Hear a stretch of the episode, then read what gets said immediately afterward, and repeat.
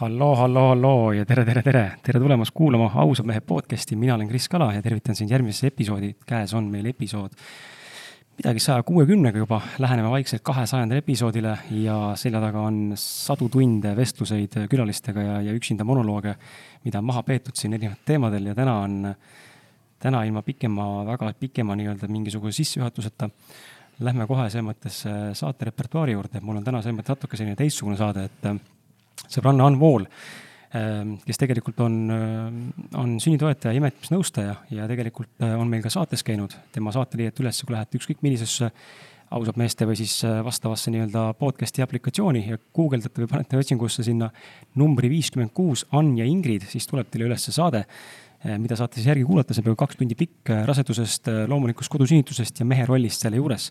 ja Ann ühtlasi on siis ähm, ka see tütarlaps, kes oli minu esimese tütre või noh, minu ainsa tütre tähendab eh, sünni juures, kui me kodus sünnitasime kaks aastat tagasi.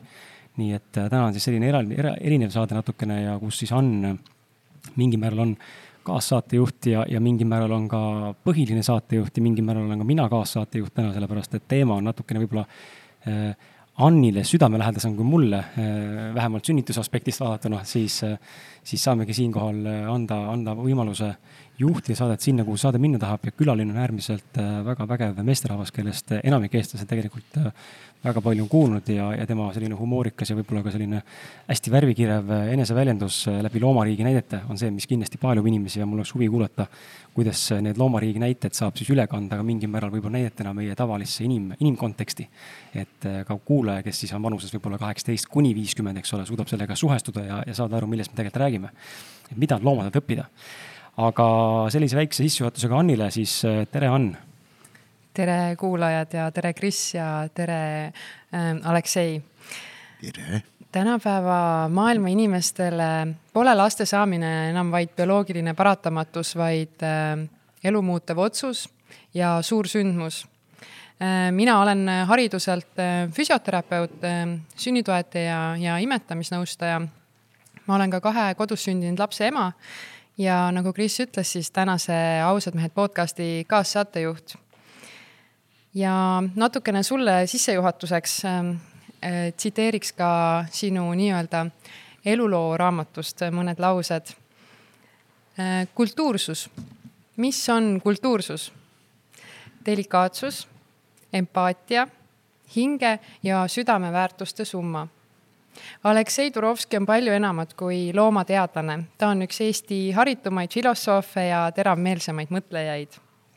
ta on pälvinud mitmeid erinevaid auhindu ja tunnustusi, sealhulgas ähm, riikliku Valge Tähe viienda klassi teenetemärgi, lastesõbra auhinna, äh, aunimetuse Eesti Liikumispuuetega Inimeste Liidult ja lisaks on talle antud ka rahvalik tiitel kõikide loomade saadik Aleksei Turovski on Eesti teadlane, õppejõud, autor ja lektor, kes on sündinud Moskvas Nõukogude Liidus.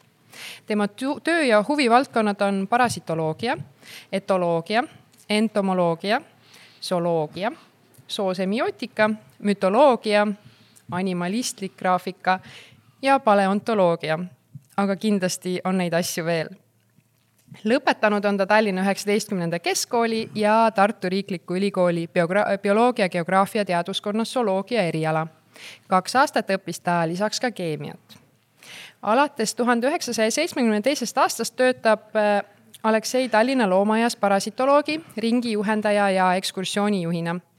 töötanud on ta ka Eesti Mereinstituudis samuti õpetab ta Tartu ja Tallinna Ülikoolis loomapsühholoogiat ja soosemiotikat ta on kirjutanud palju raamatuid, sealhulgas Loomult loom, loomad sipelgast vaalani ja viimane sellel aastal ilmunud teos koos Leelo Tunglaga on lasteraamat Kati, Karl ja isevärki farm.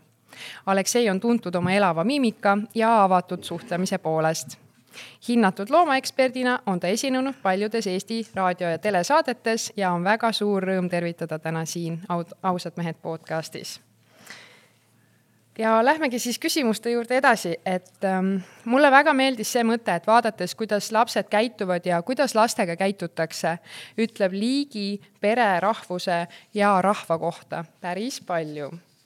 täna tahakski vestelda sinuga, keskendudes siis rohkem lapsevanemaks saamise ja olemise teemadel, sest pole ju suuremat imet kui arenev laps ja hakkame kõigepealt sellest peale, et äh, äkki vii meid väikesele rännakule, kuidas on sinust saanud täna see, kes sa oled ähm,. sellepärast, et ma saan aru, et sinu ema, su isa, su vanaema, perekond ja ka esimene klassijuhataja näiteks olid väga toetavad sinu isiku ja huvide suhtes.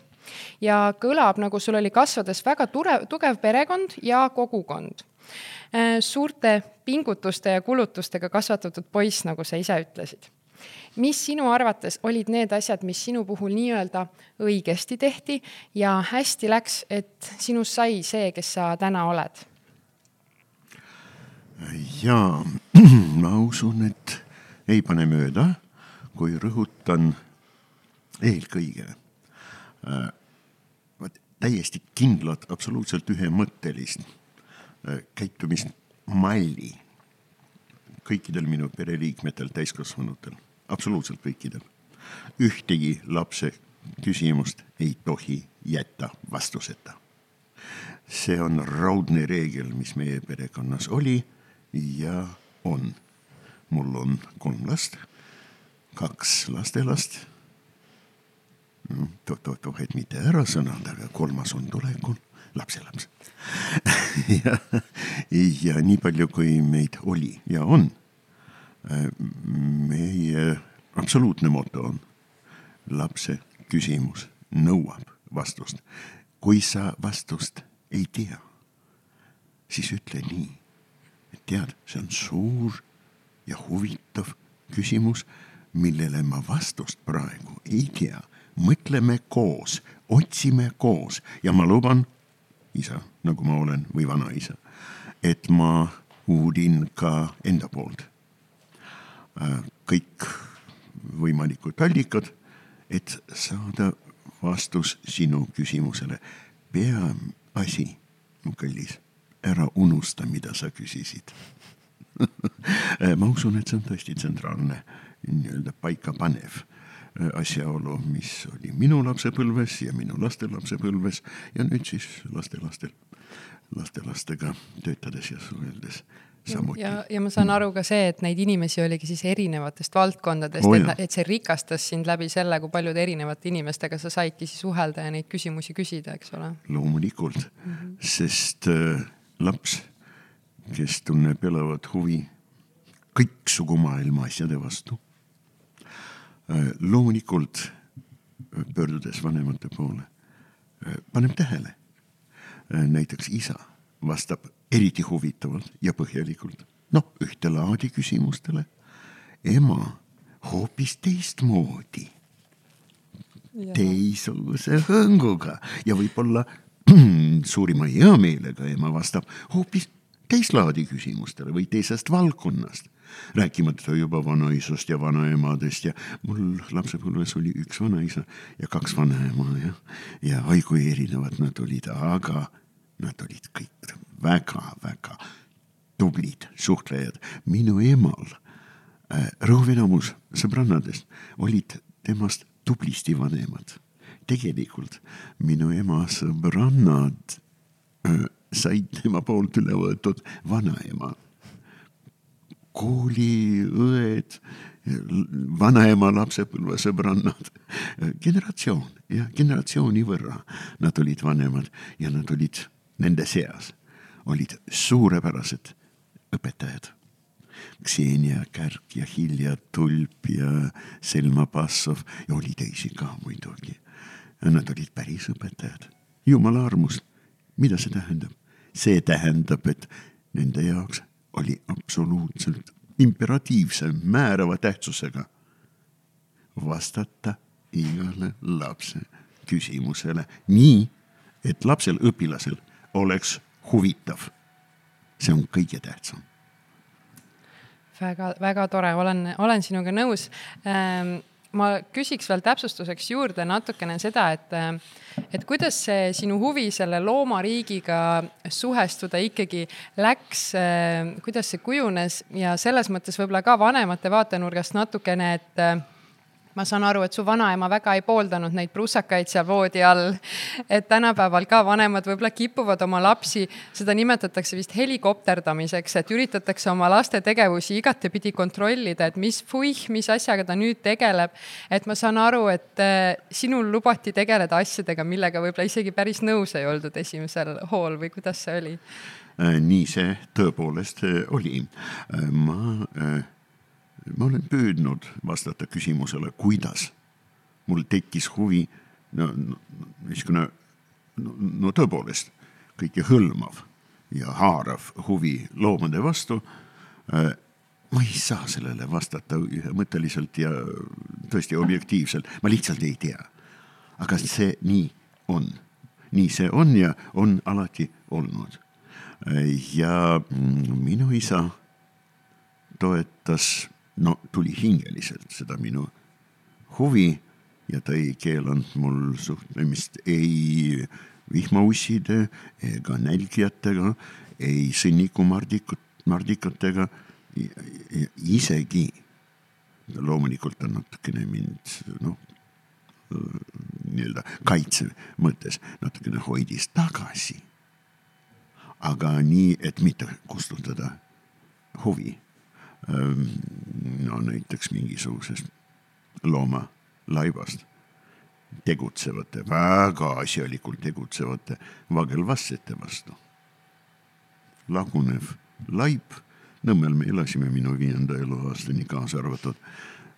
Ja meil olid seal männid, põõsad, loomulikult mustikas, enam levinud põõsastaim Eestis üldse ja Nõmmel nii-öelda par excellence ja, ja mõni laip ikka leidus. ja siis isa ei lubanud, ei lubanud ära koristada. pani väike aiakene ja mitte loomadele, vaid minu hoidjale, minu kallile tädi Helenele, kes mind hoidis.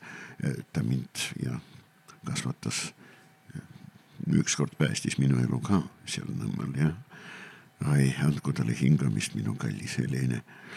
Äh, ja noh, eelkõige tänu Helenele äh, mul on ka noh, mõistlik ja enam-vähem korralik eesti keel. sest kodus räägiti, ema rääkis sõbrannadega saksa keeles, isaga rääkisime vene keeles äh, ja mm, eesti keeles ma rääkisin loomulikult emaga, aga eelkõige Helenega, minu kallis Helene. jah, aga vot Helene eest tuli kaitsta see paik, kus lagunes parajasti eh, väga toimekate putukate, seal olid sipelgad, olid loomulikult äh, raisamardikad, nende vassed äh,. lõpuks ilmusid ka raisamatja mardikate sellised prouad, oi, see oli huvitav, mul on silmade ees kõik see, ma olin umbes viieaastane ja, aga kõik need asjad on silmade ees suurel, väga suurel määral tänu isale, sest ta vaatas koos minuga ja kommenteeris. Ja kui mõni asi tema jaoks oli tundmatu äh,, imelik, siis ta sedasi ütles. et kuule, aga huvitav huvitav, kas need putukad siin, eks ole, on erinevad. seal on kärbeste vaagelvassed ja siin on ka mardikate vassed ja siin on täiskasvanud mardikad ka. ilmselt kiskjad, kuidas nad koostöös selle laib, laibaga tegelevad, nii et nad teineteist kohe maha ei löö. ma pean uurima. nii see käis no tõepoolest. segan siia korra vahele, et see on hästi huvitav tegelikult minu meelest äh, kui ma vaatan tänapäeva äh, lapsi ja lapsevanemaid, siis ka ise kukun teinekord lapsevanemana sinna, ma arvan, on sa samamoodi ja ja, ja kõik kuulajad samamoodi, kellel lapsed on, et me kukume sildistama või lapse kogemust äh, mingil määral piirama selle pealt, mis on meie maailmavaade või mingi perspektiiv mingis situatsioonis tekkinud, et seal on nagu negatiivne kogemus olnud ja nüüd lapsele tahame panna märgi, et ära puudu või see on halb, on ju, ilma et me laseks lapsel tegelikult kogeda ja vaadelda, mis see tegelikult on. Jah, täpselt ja, ja tegelikult mul järgmine küsimus oli või viimane küsimus sinu kui nii-öelda isiku kohta oligi see, et, et tegelikult kust sa oled saanud selle lõputu optimismi, et sa suudad näiteks äh, loomaaia põhjapõtrade seas kaost külvanud selles rohelises lihakärbses ka näha seda, et ta on lihtsalt ilus väike loomakene, aga sa natuke juba vastasid sellele küsimusele, et, et võib-olla sul lubati lihtsalt areneda siis inimesena ja, ja leida need nimed asjadele ise, mitte mina vanemana ütlen, et fuh, ämblik, ära puutu, eks ole, et nagu jätta see sealt haridusest haridusest ära, et las laps ise vaatab asju, et, et lihtsalt, ähm, et sul on hämmastav võime näha asju sellena, kes nad on, nende endana, ilma neid silte panemata, et ähm, võib-olla sa veel oskad öelda, et, et mis su peas selline mõtteprotsess on, kui sa vaatad ühte pahategelast kärbest, võib-olla mõne jaoks pahategelast, aga sina näed teda siiski ilusana, et, et ilus loomakene äh, jah, äh, see on väga asjalik küsimus, paikapanev küsimus. Kui mõni loomaliik elab parasiidina, teine kiskjana, kolmas on saagloom. Need on täiesti kindlad, reaalsed, faktoloogilised asjaolud, mis mitte mingil juhul ei luba öö, otsustuslikke hinnanguid anda, mulle küll mitte kägu. no euparasiit, euinkviliin, ta äh, muneb äh, nii-öelda kasvuvanemate, tähendab siis peremees liigi linnu pessa. ja see on ka kõik, ta ei tegele oma lastega enam absoluutselt kõiki vajalikku toimingut toimingute kompleksi, ta delegeerib kasuvanematele, eks ole. ja ta teisiti ei saa ega ei pea. selline liik. Öelda, et ta on pätt, see oleks absoluutne idiotism. Öelda, et ta on kahjur, see on lihtsalt lollus. samuti idiotism sest ei ole looduses, vabalt elavate loomade kooslustest, ei ole olemas sellist bioloogilist, zooloogilist nähtust nagu kahjur. kahjur on majanduspoliitiline hinnang. ja loomulikult, kui mõni liik äh, tekitab inimesel oma tarkuse ja osavuse tõttu materiaalset kahju, siis inimene iidsetest aegadest tembeldab teda kurjaks loomaks, ülikavalaks ja pahaks, no näiteks rebaseks, eks ole. kogenud rebane, kui ta pääseb kanalasse ja vabalt pääseb välja, ta ei korralda seal tapatalku, ta võtab ühe kana, viib metsa, matab maha, tuleb tagasi, vaatab, et õhk on puhas koerad ja mehed on ikka laadal või kõrtsus, siis võtab teise kana, matab teise kohta ja niiviisi ta kindlustab sellist toiduvaru, ähm, mida võib-olla järgmiseks kevadeks metsjad nii-öelda ei likvideeri sajaprotsendiliselt mitte, mõni kana ikka jääb kuskile alles ja see on loomulikult kanala peremehele suur kahju. no kes vaidleb vastu, muidugi. kuid see ei tähenda, et rebane on mingisugune kurjuse ja, ja, ja, kavaluse kehastis. see on tema adaptatsioonivõime. ja nii on lood parasiitidega, kes muuseas on bioloogiliselt no tuliselt huvitatud, et peremees, organism, kellest nad elavad, oleks ikka elus laibas parasiite ei ole mm.. kiskjad, et söönuks saada, peavad tapma või keegi või miski peab tapma, no näiteks automaanteel, peab tapma mõnda looma, et kiskja saaks söönuks. ja neid on koosluses mitte lihtsalt vaja, neid on hädasti vaja. kui suur kiskja, noh, üksildane territoriaalne suur kiskja, tiiger, kui ta elab oma valitud erastatud, privatiseeritud ja märgistatud loomulikult, eks ole, piiriga äh, alal, siis saakloomad seal on väga tõhusalt kaitstud näiteks talvise susi grupirünnaku eest ja see on suur asi. nii et jaa, loomulikult isa noh, kandis hoolt, et ma endale viga ei teeks ega ei saaks selge see, laip on laip, seda puutuda ei tohi, seal on äh, roiskumisbakterid, võib-olla seal on veel mingisugused täiesti võimalik, et küllaltki ohtlikud haigustekitajad. nii et ära lähedale mine, mitte mingil juhul ära puutu. ja muidugi isa, eelkõige isa äh, poolt mul on äh, juurutatud komme käsi pesta. Väga, väga päevakohane. jumal tänatud, no ma olen parasitoloog, poleks mul seda väga kenasti viimistletud kommet, mind poleks praegu elus. Väga, väga tore, väga, väga hea mõte, et, et kui me ei püüaks võib-olla kõiki muuta kellekski teiseks, kes nad on, siis me suudaksime rohkem rahul olla iseendaga ja ümbritsevaga aga küsimus äh, täpsemalt loomariigi kohta, et, ähm, et kuidas ma, kuidas ma mõistan seda, et justkui üks siis isane metssiga jätab oma põrsa hätta, kui see kraavi kukub, aga sa ütlesid, et jõesiga läheb oma pojale appi.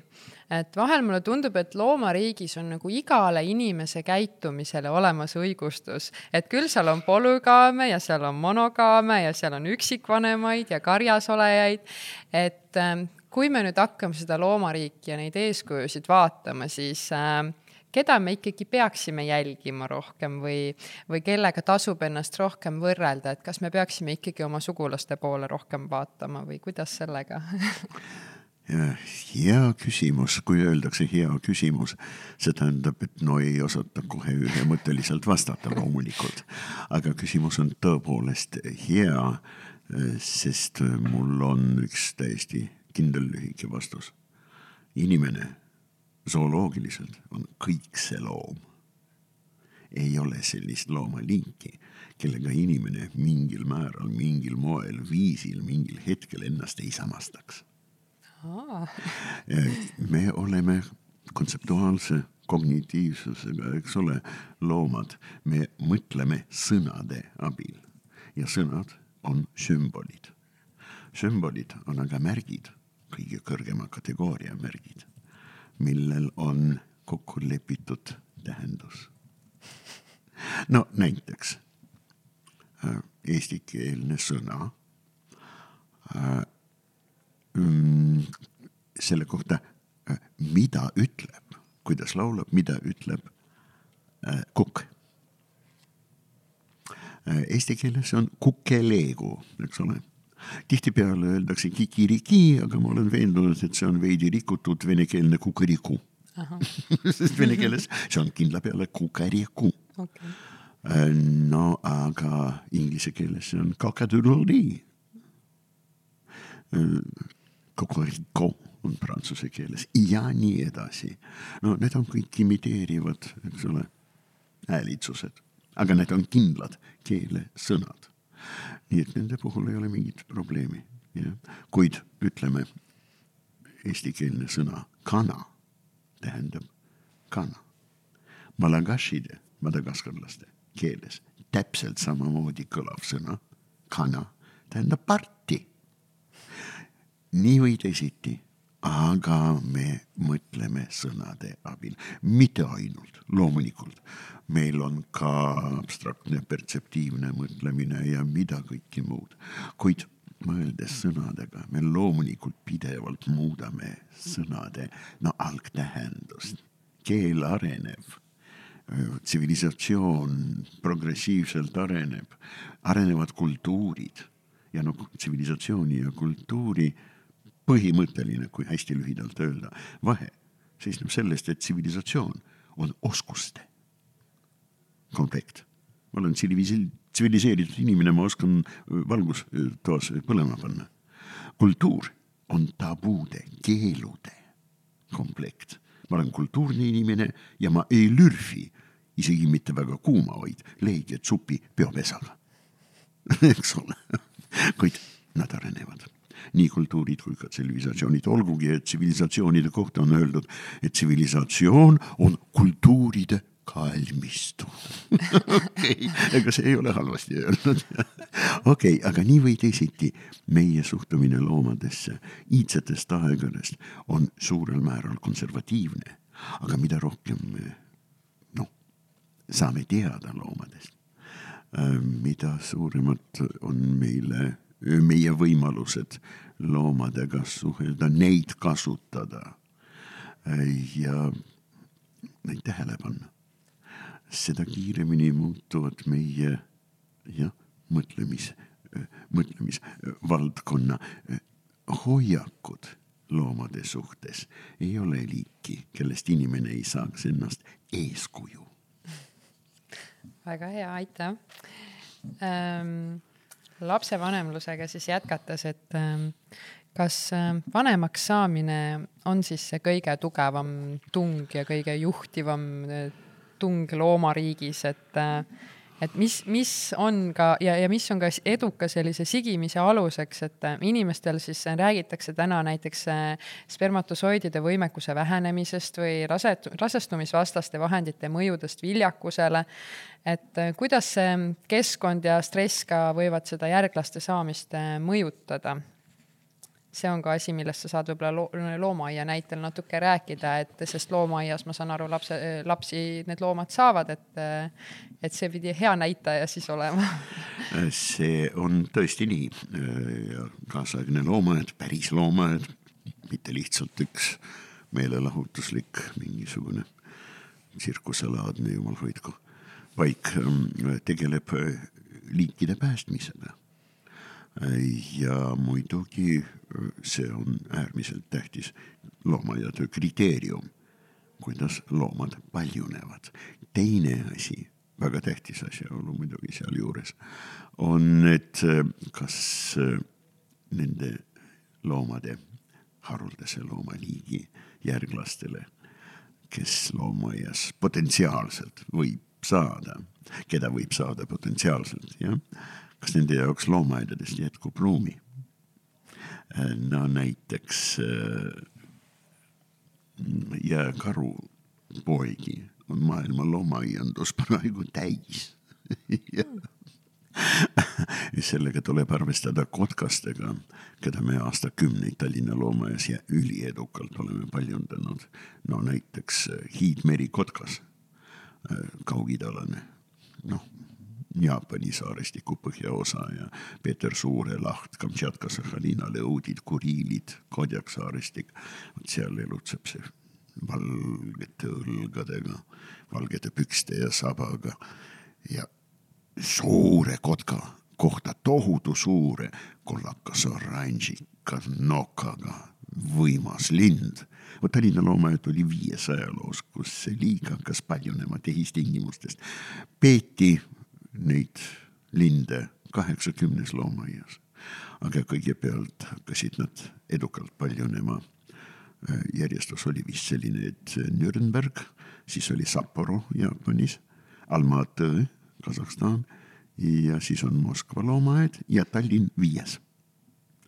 ja me paljundasime neid nii edukalt, et meid tungivalt paluti, koordinaator mm, palus mitte nüüd mõned aastad mitte paljundada neid. seda loomulikult saab teha nii, et äh, loomad mitte mingil moel viga ei saaks selge aga, see. aga kuidas need loomad ise sellesse suhtuvad, et kas nad tahavad paljuneda või nagu kuidas see nende jaoks on, et kas? no eks sa siis manipuleerid nende käitumisega nii, et nad lihtsalt loobuvad selleks aastaks, mitte midagi imelist ega ebaloomulikku selles ei ole tung paljuneda mani..., maksku mis maksab, on noh, pärmidel nii palju, kui ma tean, eks ole, paned pärmid suhkruvee purki ja nad paljunevad seni, kuni on tarbitud kogu suhkur, siis nad rõõmsalt uppuvad oma ekskrementidesse ja kõik see kupatus saab uhke nimetuse õlu no loomade puhul see ikka päris nii ei ole. Aga jah, vaat äh, äh, Richard Dawkins äh, oma raamatus Geen egoist, Selfish Gene, suurepärane raamat. ma ei ole absoluutselt nõus kõikide Richard Dawkinsi äh, väidetega, no näiteks ta on äh, no tõesti no võimsalt sõdiv ateist. Enda kohta ma pean tunnistama, et ma olen agnostik. sõna otseses mõttes ma ei tea, kas ma usun Jumalat või mitte. ma olen kindlasti evolutsionist, kahtlemata. aga evolutsionist oli ka pastori haridusega Charles Darwin nii et ateist, ära võrdle ateisti kuradiga sest ateist usub tulihingeliselt, et jumalat ei ole olemas. aga omavahel olgu öeldud sulle, kurat, saatan teab, et on küll olemas aga ja, bioloogina Dawkins on täiesti geniaalne. vot see tema hoiaks, et tema vaatenurk, et geenid tahavad olla surematud elada absoluutselt igavesti, igavesest ajast. see on väga tõsine asjaolu ja see on absoluutselt universaalne nähtus kogu elusa maailma juures. saada järglasi, saada lapsi ja saada seksi Nad on erinevad asjad. loomulikult. ja äh, etoloogias ja see on teadus loomade liigile omase, liigispetsiifilise käitumise. Äh, etoloogias äh, me eristame noh, viit suurt, suurt instinktiivse siis nagu kaasasündinud programmvarustusega jah, käitumisvormi Äh, toitumiskäitumine. mõnel liigil see on ülikeeruline, no kiskjatel peamiselt, aga mitte ainult. Äh, siis on kaitsekäitumine ja paljudel liikidel see on ülikeeruline. Äh, siis on loomulikult tsentraalne nähtus, komfortkäitumine, käitumine, mis noh, tagab ja hoiab üleval pidevalt puhtust, puhkust see on absoluutne kohustus puhata korrapäraselt. loomulikult, puhanud loom, aga korralikult puhata saab ainult puhas loom. loomulikult, vastavalt liigile puhas loom. noh, sa mainisid metsi ka, eks ole. igal metsseal neljandast-viiendast elukuust on oma individuaalne, ainult talle kuuluv sügamise puu. no täpselt nii nagu perekonnas, igal pereliikmel on oma hambahari. Ei ole nii, et noh, kõigepealt loomulikult pere ema peseb hambad, desinfitseerib harja, lükkab püsti isa, tal on vaja tööle minna, näh, hambahari on sinu oma. Ja niiviisi vanaisani välja, kui nad elavad kõik koos. loomulikult mitte, kuid jah, korralikult ennast puhastanud loom või kui ta ei saa ennast puhastada täiuslikult üksinda siis on see ülitähtis, et sõbrad aitaksid. noh, ahvide grooming, hooldamine ja kaugeltki mitte ainult ahvide, kõikide loomade. kasslased, koerlased, hobuslased, elevandid. jänesed, ma kodus näen seda. jänesed ka muidugi, grooming, hooldamine, see on ülitähtis. korralikult hooldatud loom saab korralikult puhata, kui ta leiab selleks võimaluse vabalt elavate loomade elu riisikovabalt ei kulge. bioloogilistest muredest vaba aeg on ainult meie liigil. ei no muidugi minu kassidel ka on mingil määral selge see, kuid see on otseselt ja lahutamatult seotud just nimelt inimese eluga. nii et korralikult puhata, siis loomulikult hoida optimaalsel tasandil vedeliku ja gaasi bilanssi, normaalselt hingata ja juua ja joomine ja söömine kuuluvad erinevate suur vormide, käitumise suurvormide juurde joomine ei ole toitumisega seotud nii-öelda sajaprotsendiliselt ühemõtteliselt.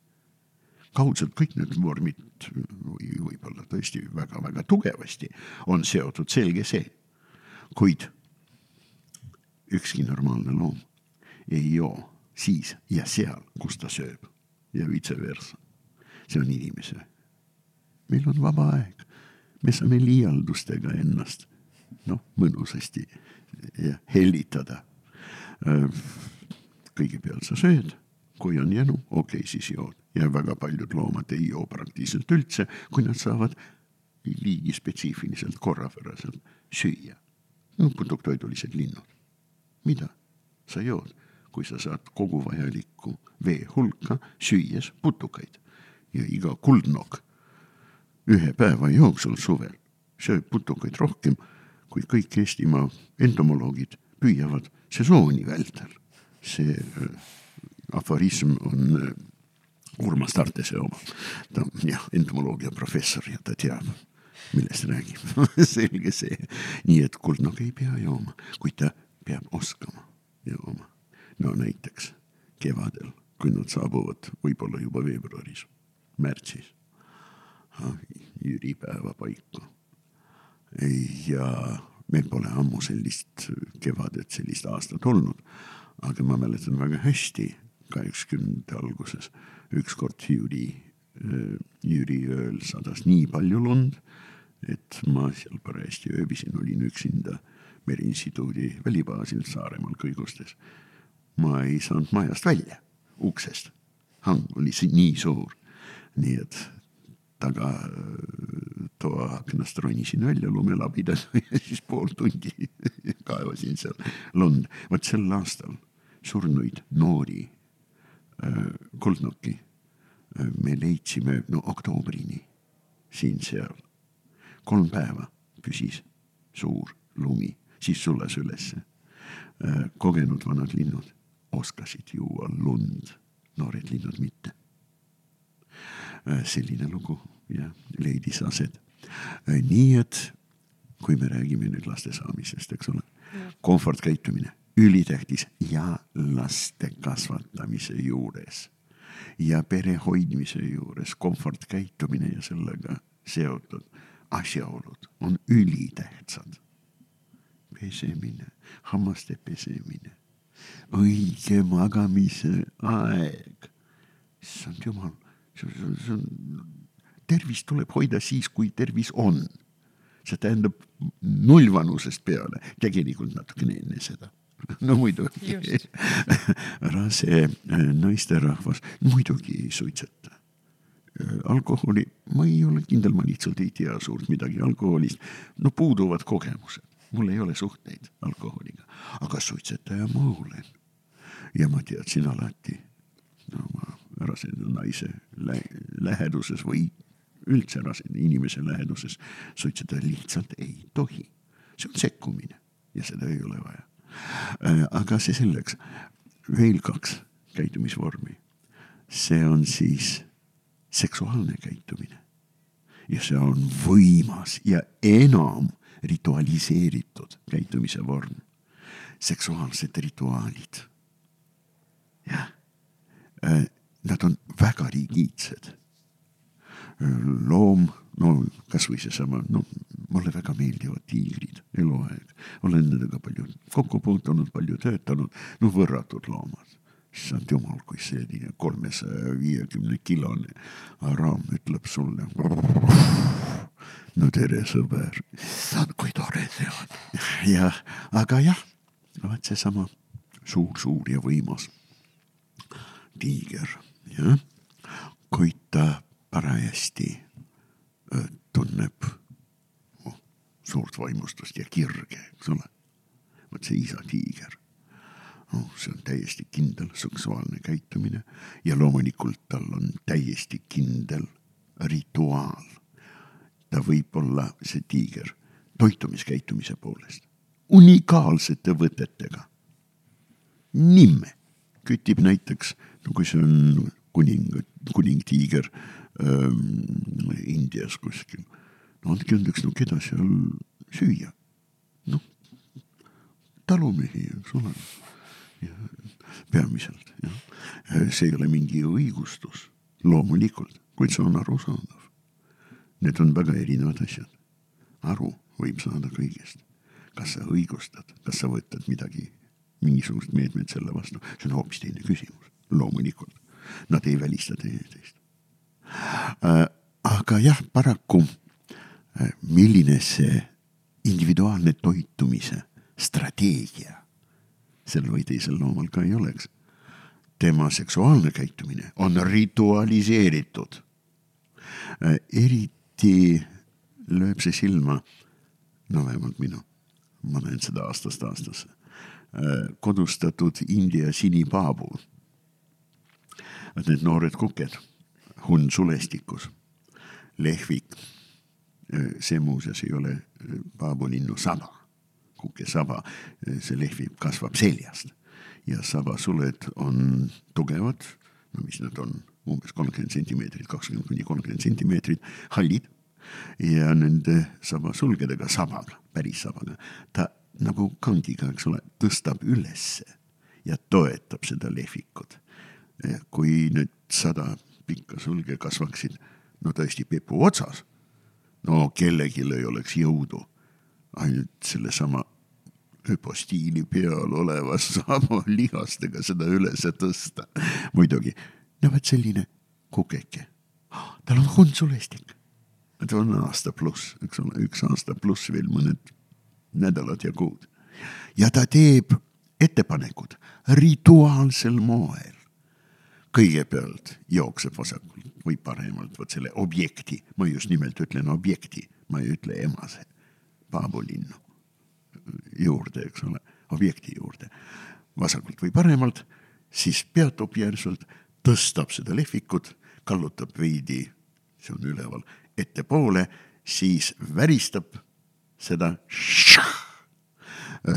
tiivadega, teeb poolringi liigutusi niiviisi vertikaaltasapinnas vasak-parem, vasak-parem, trambib jalgu, viskab pea kuklasse ja karjub meao. ja seda väga viimistletud, kindlalt ritualiseeritud etendust ta teeb Bobcat traktorile. või näiteks äh, kahele tuvile.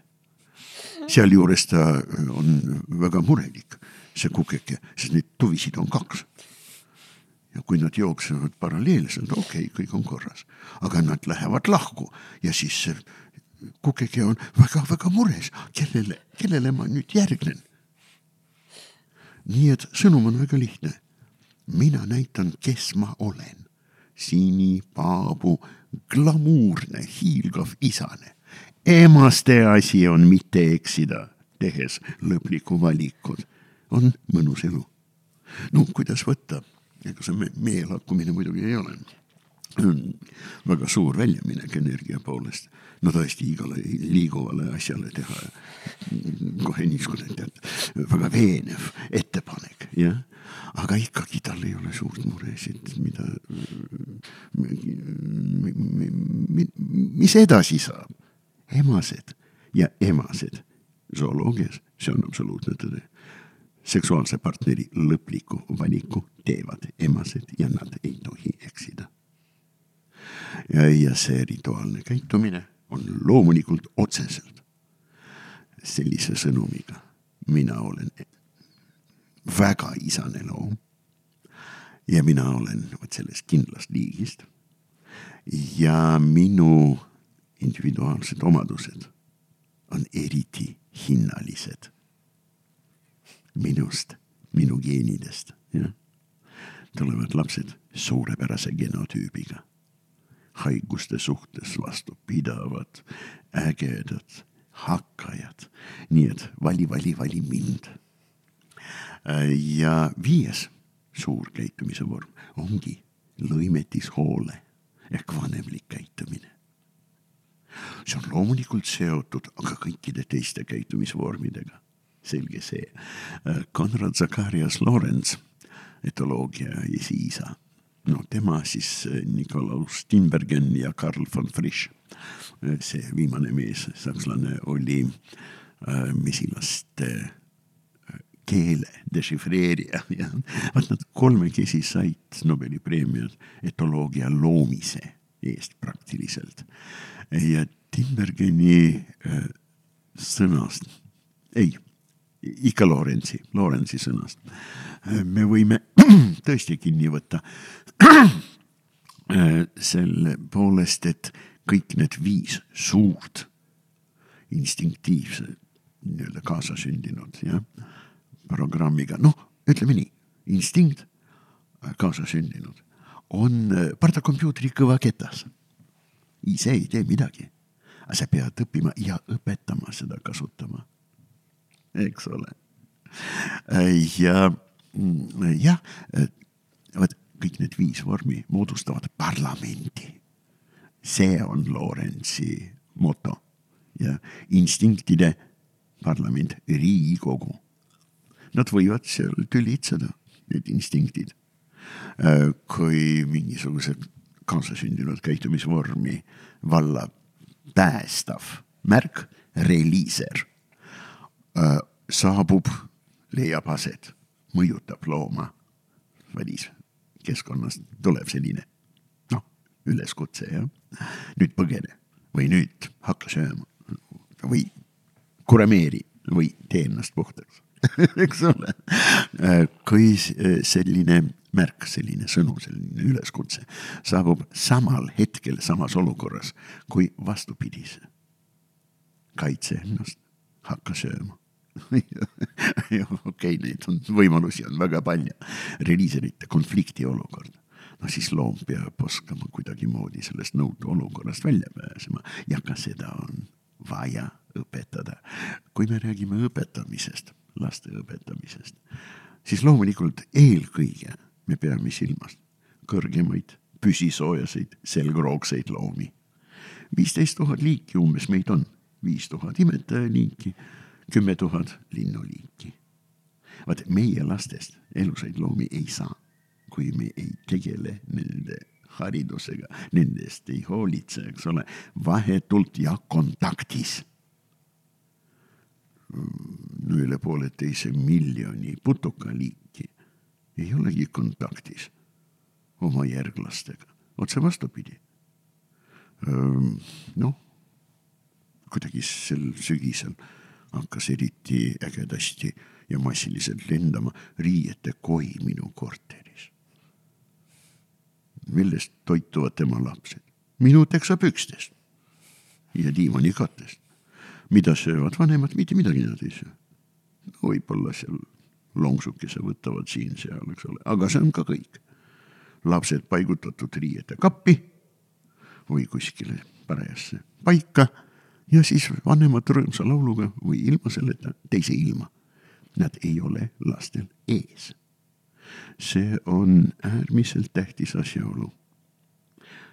toidupoolne konkurents laste ja nende vanemate vahel ja eriti, eriti noh, ma ütleks ilmekas, mõtlema panev on see konkurents just nimelt kõrgematel püsisoojastel loomadel, lindudel, imetajatel kelle vanemad ja lapsed peavad olema kontaktis.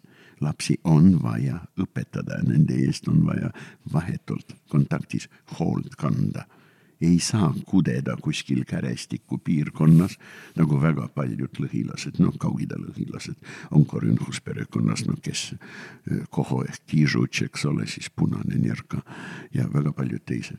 koetud ja teise ilma, karuga ei söö no tõesti, nad on nii läbi, need kalad jah, aga kõik on tehtud, lapsed on pandud pessa, pesa on ehitatud nii ja kaetud sedasi no näiteks killustiku ja igasuguste asjakestega, et see näeb välja praktiliselt.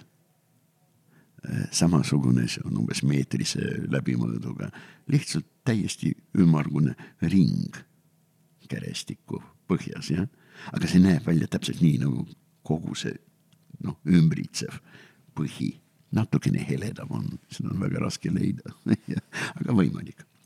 kuid äh, paraku see konkurentsipinge on määrava tähtsusega asjaolu just nimelt laste ja vanemate suhete arengus, evolutsioonis. no näiteks monogaamsed liigid, paar eluks ajaks. see omadus on no tõepoolest unikaalselt levinud lindude klassis, väga lihtsal põhjusel. enamasti, mida söövad vanemad linnud, sedasama söövad ka lapsed või väga lähedasi asju. no paljudel liikidel lapsed söövad näiteks väikseid putukaid, vanemad aga juba taimset toitu peamiselt. küll, kuid enamasti see ikkagi on nii, mida söövad vanemad, sedasama söövad lapsed. linnud ei imeta et siis, kui on kaks, kui on kaks vanemat, siis on nagu lastel suurem tõenäosus ellu muidugi. jääda, sest toob rohkem vanemaid neile toitu. muidugi mm, -hmm.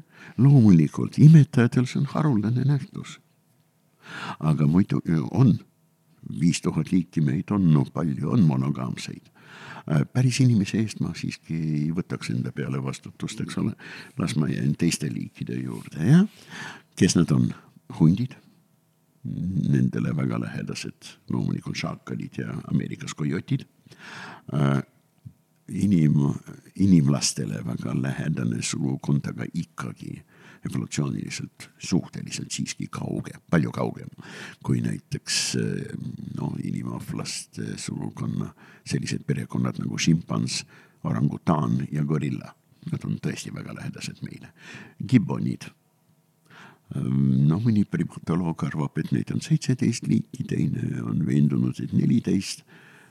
kui ta sellega ka ei oleks, nad on absoluutselt monogaamsed Äh, suured leemurite äh, sugulased, ka madagaskarlased, indri, see on omaette sugukond, indrilased. Nemad on monogaamsed, ma olen seda näinud. see on vapustavalt südantsoojendav, kuidas see grupp no umbes kolme-nelja meetri kõrgusel äh, mägedes Madagaskaril, kuskil kaheksasada meetrit mere kohal kõrgel hommikul kõik seal söövad lehti, nad söövad ainult lehti kindlatel puudel ja siis hakkavad laulma. kõigepealt lühidalt laulab pereisa, selline noh, bass, baritoon jah, ja sõnum on väga ühemõtteline, kallis, noh, proua poole ta pöördub. kas sa ei teeks meile au oma lauluga? ja siis proua, see on enam-vähem alt või metsosopran niiviisi, laulab suhteliselt pikalt ja laulab lõpuni ja temaga ühinevad vanemad tütred, siis vanemad pojad, siis nooremad lapsed ja lõpetab seda esitust nagu sonaati koodaga, ikka seesama härra. hästi lauldud, naabrid, kas te kuulsite? ja siis kilomeetrite kauguselt kostab täpselt samasugune laul, aga noh, see loomulikult kõigepealt tähendab, kuulsime küll, nüüd kuula meid. Vot sedasi nad elavad, issand, kui toredad loomad nad on. loomulikult monogaamsed imetajate seas on ka noh, muidugi mägrad. tähendab, perekonnas juhtub kõiksugu asju. no Tiit Hunt näiteks registreeris, filmis, kuidas ühe väärika mäekrapaari juurde ilmus üks noor isane ja see proua lõpuks ütles oma vanahärrale, tead, sa koli seal meie järves teisele kaldale. vot seal oli kuulda, et on üks kena leskproua, võib-olla võtab sind enda juurde aga minu juurde jääb see noor Herbert näiteks või Adalbert või kes ta oli parajasti, jah. kuid enamasti nad on monogaamsed. huvitaval kombel monogaamsed me leiame ka oravlaste sugukonnas. no näiteks ümisejad, väga paljud. Nüüd ümisetest tasub rääkida natukene veel, nimelt vanemad tütred pojad poegadeks, nad võivad jääda või mitte pessa vanemate juurde. vanemad tütred jäävad kindlasti ja nad võivad olla tiined. kui nad on tiined, siis ema, asutaja ema äh, hakkab neid hammustama ja hammustab seni, et nad aborteerivad. et nendel lapsi ei tule, uued nooremad lapsed, eks ole, selle hooaja lapsed. Neid sünnitab ainult vot seesama karm ema, milles asi aga, aga millest nad, miks nad üldse niimoodi koos elavad, kas see on jälle toitumisega seotud või? see on seotud toitumisega, loomulikult kaitse käitumisega, aga see on seotud eelkõige komfortkäitumisega, nimelt soojusregulatsiooni küsimustega, see on ka ja ülitähtis komfortkäitumise valdkond. talvel ja nad elavad Mägenes. või kui nad elavad kõrbes Kesk-Aasias, siis talvel seal miinus kakskümmend, öösel on garanteeritud. ja vot talvisel ajal terve see grupp on koos ja lapsed on grupi keskel ja laste temperatuur on kolme-nelja kraadi võrra kõrgem kui täiskasvanute, vanemate omad. isa-ema, aga siis vot needsamad tädid, ei mitte tädid, nad on vanemad õed, eks ole. ja see lihtsalt ei oleks võimalik, teisiti nad ellu ei jää, need lapsed. aga see ei oleks võimalik, kui tütred oleksid ka kedagi sünnitanud see on väga hea, et sa selle teema sisse tõid, sest tegelikult mu üks järgmine küsimus natuke oli ka seotud beebi ootusega, nimelt võib-olla üks asi, mida inimeste puhul ei, ei räägita väga tihti või, või noh seda ei puudutata tihti ja kui naised ise jäävad rasedaks, siis võib tulla neile šokina, et tegelikult ka inimeste puhul on äh, raseduste katkemine päris kõrge. esiteks katkevad rasedused äh, enne, kui üldse naine võib-olla aru saab, et ta last ootab ja ka nende hulgas äh, katkeb rasedus, kes juba teavad, vähemalt kümnel kuni viieteist protsendil et äh, kas loomariigis on ka nagu teada, et äh, kuidas loom seda rasedust üldse nii-öelda tajub, kas ta tajub selle raseduse katkemist ähm, või ma ei tea, kas loomadel hommikul, hommikust iiveldust ka on nagu inimestel ähm,? ma ei ole kunagi tähele pannud kellelgi peale inimese ja mitte igal inimesel muuseas seda äh, hommikuiiveldust ja äh, inimene on unikaalne loom õige mitmes mõttes. aga noh, teistest, teisest küljest, kes loomaliigidest, eks ole, unikaalne ei ole sel või teisel moel, jah. aga ja, me räägime nüüd ikkagi tiinusest loomade puhul, eks ole, no inimesed on rasedad, loomad on tiined. okei okay., see on üli omapäraselt seotud konkreetse liigiga tiinuse kestvus. väga paljudel imetajatel, aga tõesti paljudel, on olemas edasi lükatud tiinuse võime. oo oh, jaa, no, no ma ei saa öelda, et ta on absoluutne tšempion, aga üks tšempionidest selles plaanis on kärb.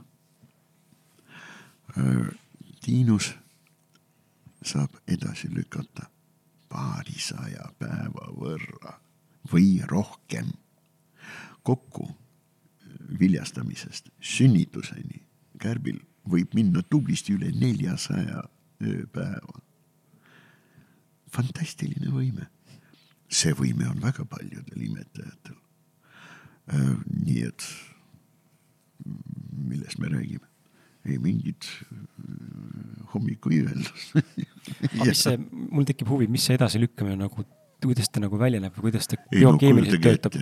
Äh, praegu on, vot täna on pulmad mm, -hmm. paarimine, paaritumine, eks ole, kopulatsioon. mõnarakud on viljastatud, aga meil on masu ja meie Riigikogu on absoluutselt mitte lihtsalt murettekitav, vaid lihtsalt häbiväärne. no näiteks kärbimillest, eks ole, ma ei räägi nüüd inimestest, jah, see on kõik on najal, jah. ei, ma ei hakka sünnitama nüüd mm. selle aasta lõpuni igal juhul mitte. ootame, varsti on valimised, võib-olla midagi muutub, läheb paremaks, aastad pole vennad ja mis on kõige tähtsam, ise Äh, saan paremasse vormi.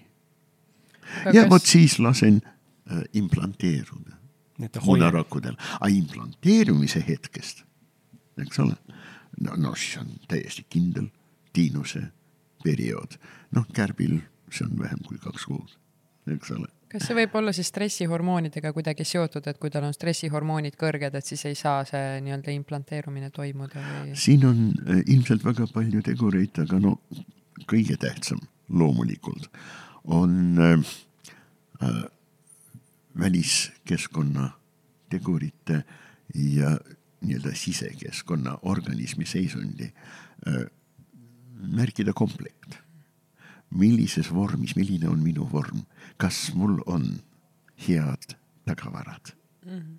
ja kas mul on korralik, kvaliteetne, no kasvõi ploomrasv, siis kompleks või komplekt, eks ole. ja loomulikult, mis väljas toitub, kuidas on lood toitumisvõimalustega, kärp on kiskja ja äge kiskja.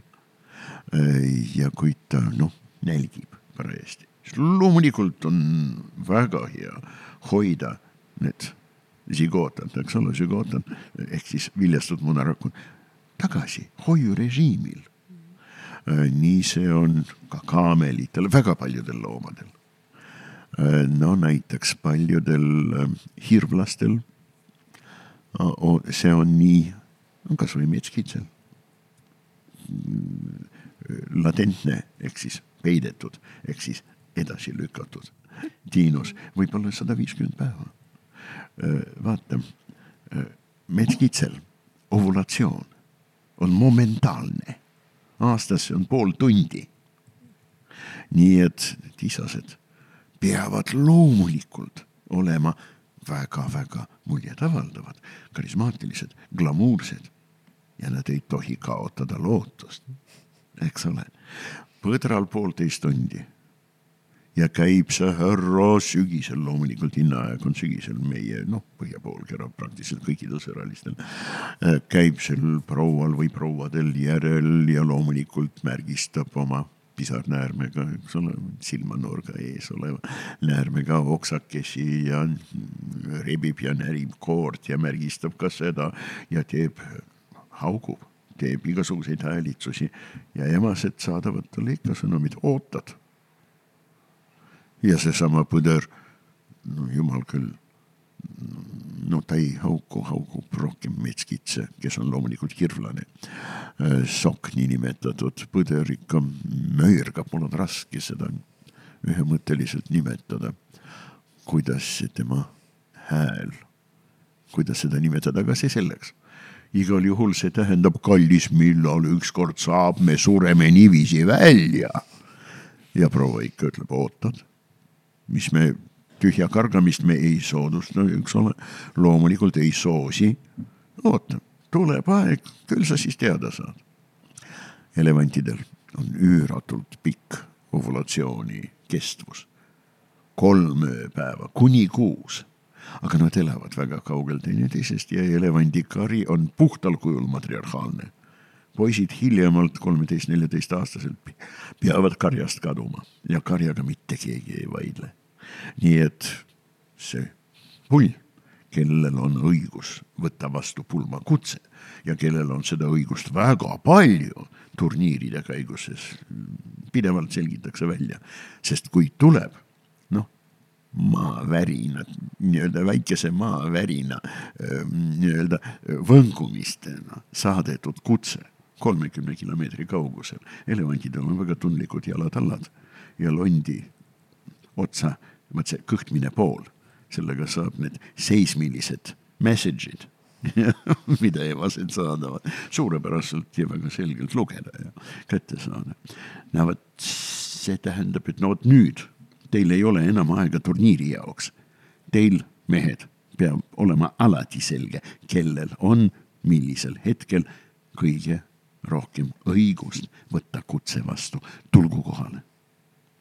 sellised lood väga-väga hea, aga, aga võib-olla siit ongi hea liikuda juba vaikselt ka sünnituse juurde. et ähm,. teeme nii.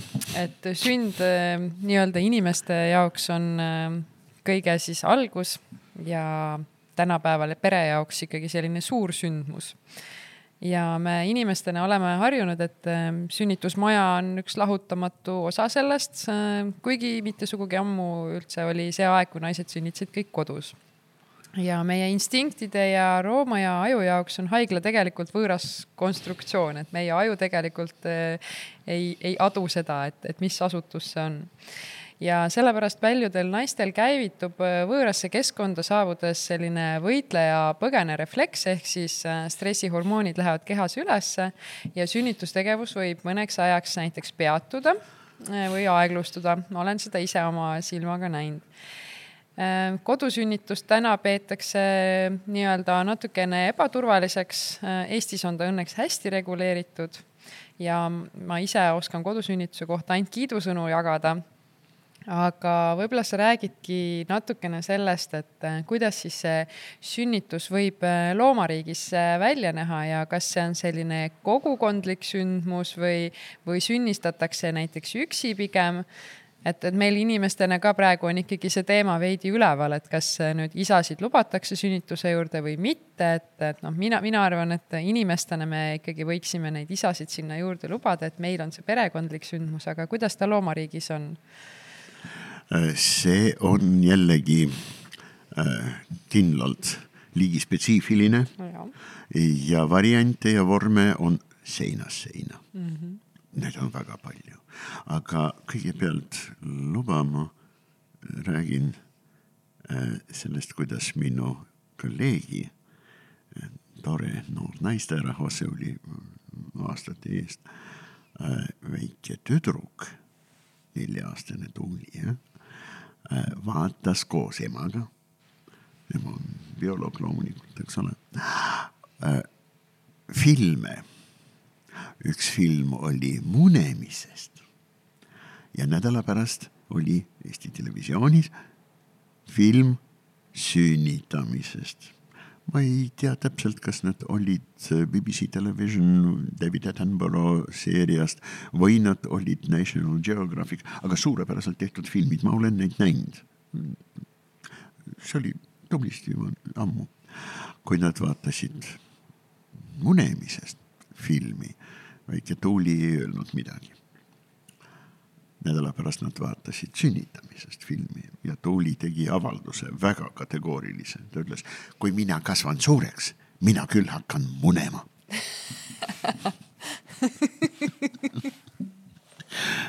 väga hea film oli munemisest kuidagi noh, mõnus ja sujuv tegevus ja ei mingit dramaatikat, eks ole, ja sünnitus, no paratamatult, eks ole, see on väga äge see on selline tõesti märgiline sündmus ja krutsiaalne, ekstreemne olukord, eks ole. ja tõepoolest, ja tõepoolest äh, haavatavad kasvõi kiskjate poolt, eks ole, loomulikult ilmatingimuste ja, ja nähtuste poolt haavatavad on nii munad kui ka vastsündinud imetajad. kuid äh, kui me räägime nüüd sünnitusest,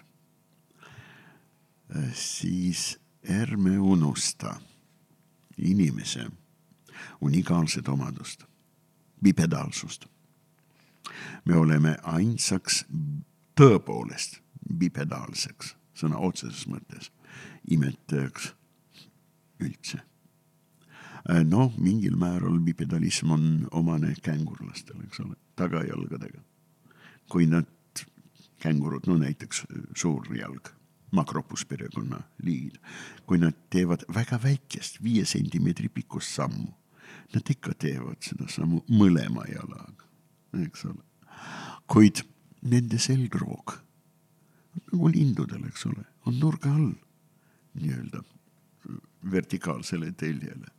meie selgroog ja ainult meie selgroog on eeskujuline ja inimestel, ka minul, hämmastaval kombel, kuigi minu käte siiru ulatus, ma tean täpselt, mul on seda vaja olnud teada, kuna noh, mõõdan, no kasvõi noorte kotkaste öö, tiivade esmajärguliste hoosulgede, eks ole, kasvukiiruse ja noh, oma lind, eks ole, siis teed oma kätega vot sellise sirutava liigutuse ja linnuke vastab sulle samaga ma tean, et minul on see meeter kaheksakümmend kaks. nüüd minu kasv on meeter kuuskümmend, ma ei mäleta, kaheksa või üheksa, aga kindlasti koma viis ka. no okei okay., kuid isegi minul jalad on pikemad kui käed, eks ole. ja vot ei ole teist sellist inimahvi. kõikidel on esijäsemed pikemad, palju pikemad. orangutaanil mõõtmatult palju pikemad, no loomulikult mõõdetavalt, aga palju-palju pikemad. Kui tagajalad ja loomulikult meie käime kahel jalal, seisame kahel jalal tundide viisi, ilma et meie selg hakkaks meeletult valutama, nagu seda juhtub iga šimpansiga või gorillaga, rääkimata juba orangutaanist, kes seisaks tõepoolest ainult inimese poosis tagajalgadel. no aga see on otseselt seotud sellega, kuidas meie sünnitame. S-kujuline, S-tähekujuline selgroog toetub suurele vaagnale nii, et suur vaagen läheb väikseks vaagnaks üsna järsult ja ristluu on kohe vastas ma ei hakka teile kirjeldama, mis toimub meie luudega, kui inimene sünnitab, eks ole, aga nad peavad noh, kaugenema teineteisest, teisiti lihtsalt ei saa. Ehm, see on äärmiselt tähtis asjaolu, et vähemalt neli ja pool miljonit aastat juba inimene ja tema otsesed eelkäijad sünnitasid ilmselt kaasabiga abilised ja... juures, emased või isased. arvatavasti nii isased kui ka emased. ja ilmselt mitte selili asendis? Äh, kindla peale mitte. Äh, seda on teada, et äh, vist väga hilja, seitsmeteistkümnest sajandist, võib-olla kuueteistkümnenda sajandi lõpust, eks ole. ei, mis ma räägin, kaheksateistkümnest sajandist ja isegi jah seitsmeteistkümnenda sajandi lõpust. Louis neljateistkümnes olevat äh, äh, korralduse andnud, et vot vähemalt need naised, äh, kelle sünnituse juures ta tahtis olla, sest tal oli huvitav vaadata, kuidas see käib, sünnitaksid selili. No kust ta seda võttis, loomulikult vaatenurk on palju no selgem, eks ole, selge see inimesed, no näiteks Egiptus Lähis-Ida, Šumeer, Kaldea, Akkad, Uruk äh,, iidne Antigua, üüratult suur Süüria, üüratult suur see iidne Armeenia. kõikjal inimesed sünnitasid äh,. jah, selle kohta on täiesti kindel tekstides lause telliskividel. jah, põlvede äh, alla pandi telliskivid, peopesadega sa toetad vastu maad, aga tagakeha on natukene tõstetud, sest põlved astetakse tellistele. nii on lihtsam vastuvõtjal, kes kükitab sünnitaja taga. on manipuleerida palju lihtsam, muidugi.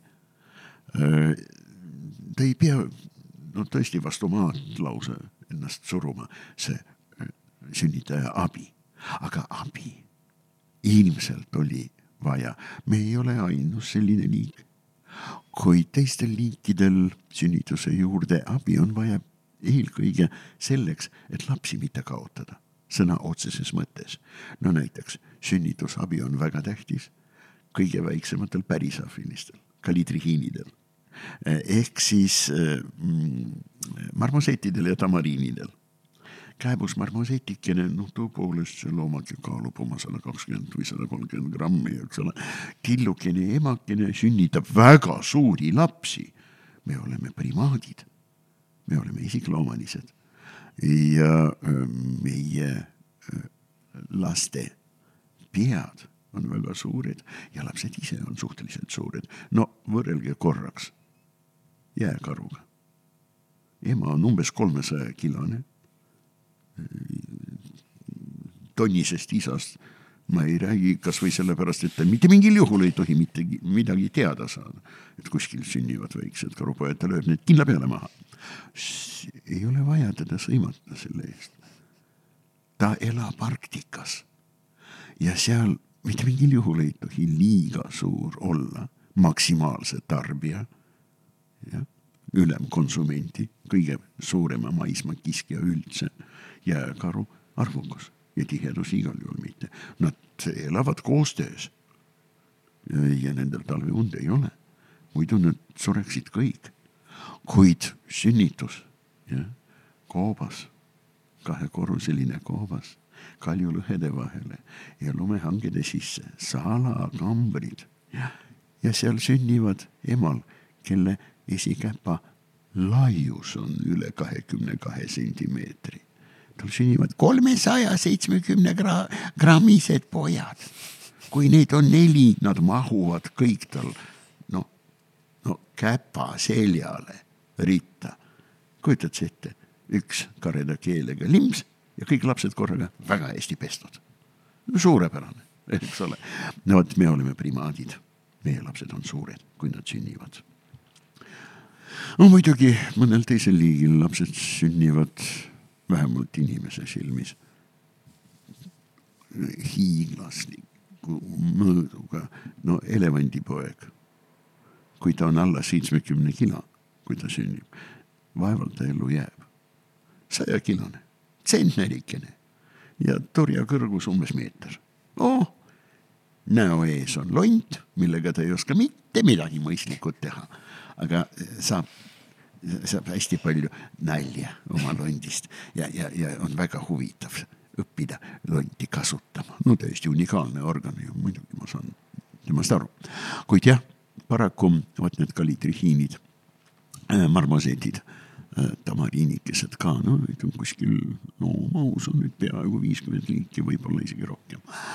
Äh, kõigepealt nende grupp on puhtalt matriarhaalne, selles mõttes, et kõiki otsuseid võtab vastu ja kõiki lapsi sünnitab matriarh, kõige tähtsam emane Äh, islased on suhteliselt iseseisvad, autonoomsed, aga loomulikult nad hoiavad grupi juurde.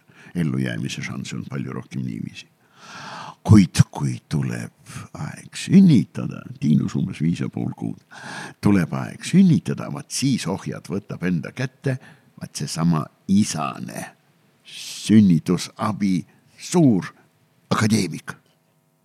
ja tema valib välja nooremate isaste seas kõige usaldusväärsemad, kõige kindlameelsemad, kelle peale võib kindel olla. mõned, nad võivad olla vanemad vennad, aga nad võivad onud ka olla. aga valib neid, vaat seesama härra ja paneb neid istuma oksa peale, nii et nad istuvad seal ja käekesed on taeva poole suunatud, sest nende kohale teise oksa peale pakub, proua võtke istet, jah. seesama akadeemik ja see tubli isane loom paigutab sinna see proua ema ja teeb talle siis selja peale punktmassaaži. ja väga kõvasti. Nad on küünisahvlased. see on päris tõsine massaaž, aga massaaž on ülitähtis imetajate elus üldse. ei ole teisi loomi, kellele massaaž, just nimelt massaaž, oleks nii no, no nii eluliselt tähtis kui imetajatele. imetaja elu algab massaažist. ma olen kuulnud, et isegi need, kes on siis äh, karjas kõige madalamad ja kes ei saa seda nii-öelda puudutust, füüsilist puudutust, et nende eluiga pidi lühem olema. muidugi, loomulikult ja õige mitmel põhjusel. Mhm. -huh. aga paraku äh, kui see punktmassaaž selja peale on tehtud emasele, siis selle mõjul pääsevad valla looteveed. kuhu nad siis pääsevad? vaat allpool istuvate nende vastuvõtjate peale, nad saavad lõhnastatud selle vedelikuga, millest veetis viimati viis ja pool kuud aega, no iga lapsuke, kes on kohe-kohe tulemas. peale selle vaat see sünnitusabi, see väga asjalik ja väga resoluutne ja tubli ja enesekindel härra paneb oma käekesed ja ahvidel loomulikult on käed. muidugi, me oleme ka päris ahvilised ja olgu öeldud, et küsimus, mille pärast on ka verd valatud. kas inimene pärineb ahvist? loogiliselt ei ole pädev. seda küsimust ei eksisteeri sel lihtsal põhjusel, et zooloogiliselt ja kui me räägime, eks ole, põlvnemisest, siis jutt on loomulikult zooloogiline. jah, inimene on ahviliik. no sama tobe oleks küsida, kas inimene põlvneb imetajast. no andke andeks no, no, no, no keegi ei ole munast koorunud, välja arvatud kaunis Helene, aga see oli Kreeka müütides, eks ole. ja tema kaksikvennad ka, jah. okei okay. see selleks. nii et mida siis teeb see äh, tubli isane? kaela alt paneb selja tagant, eks ole, oma käe tema selle kõhu peale ja teeb survemassaaži. lapsed tulevad kiiresti ja see ei ole eriti dramaatiline, see sünnituse hetk ise kuid nad on suured ja neid võib olla kolm. üksinda sünnitada ja mitte kaotada, see kõik toimub kahekümne meetri kõrgusel, viieteist, kahekümne meetri kõrgusel maakohal, troopilises metsas. vaenlasi on see mets tulvil täis. nii et loomulikult need poisid võtavad siis väikesed vastu, teevad massaaži ja massaaž imetajal aktiveerib imemisreflektoorikat Te kujutate ette, kui palju erinevat lihast ja kõhresid peavad olema kindla algoritmi najal koostöös, et imik saaks tõmmata ema piima ja mitte kopsudesse. kujutage ette, mälumislihaseid, kolm paari, mu sõbrad, põselihased, buktinaatorid, ümmargune suulihas, mida ei ole lihtne tööle panna õigesti keelekene ja kui palju veel teisi lihaseid ja kõik nad peavad töötama täiesti kindlas algoritmis. see algoritm on kaasasündinud, aga seda on vaja käivitada ja seda teeb massaaž. vähe sellest ja nüüd me tuleme väga tähtsa momendi juurde, võib-olla kogu meie vestluse juures kõige tähtsama momendi juurde, vermimine, imprinting. see, kes sind, väike imetaja, masseerib jäta meelde vermi mällu, tema lõhna, tema häälitsust, tema puudutuse omapära, soojusjaotust võib-olla käpadel või mine tea kehal, sest see on sinu tugiisik. sellest saab sinu õpetaja number üks. sellest saab sinu toitja, sellest saab sinu hoidja, nii et loomulikult nendel kalitrihiinidel või kalitrihiididel jah küünisahvlastel, marmosettidel ja tamariinidel. emale antakse laps ainult imetamiseks. et laps ellu jääks, ta peab olema pidevalt nädalate viisi vaat nende samade isaste loomakeste no õlgadel nagu boa prouadel, teate, niisugune suur, niisugune sulgedest või, või, või, või niisugust karvast selline suurepärane krae, mida saab õlgadele panna ja õlgadelt võtta, no täpselt niiviisi paiknevad need lapsed. nii et nende näokesed on selle kandva isase põse juures ja põse vastu. See, seda, see tuletab mulle meelde seda asja, mida ma ikka aeg-ajalt oma klientide käest küsin või, või ka ise nii-öelda räägin sellest, et et nii minu põlvkond kui ka enne mind sündinud inimesed, meid ju võeti sünnitusmajas mitmeks päevaks tegelikult emade juurest ära et äh, see imprinting või, või noh, see mõju tegelikult, mida on on meile kuritegu. kõigile tehtud. Et see on hävitanud ja. meie sees midagi, mida Ja. me täna isegi ei tea, mis meiega Jah. tehti. ma ei kavatse teistmoodi seda Jaa, nimetada, see on kuritegu, seda mitte mingil juhul ei tohi teha. Äh, inimene loomulikult on võrreldes väga paljude teiste imetajatega suhteliselt nõrga haistmismeelega, eks ole.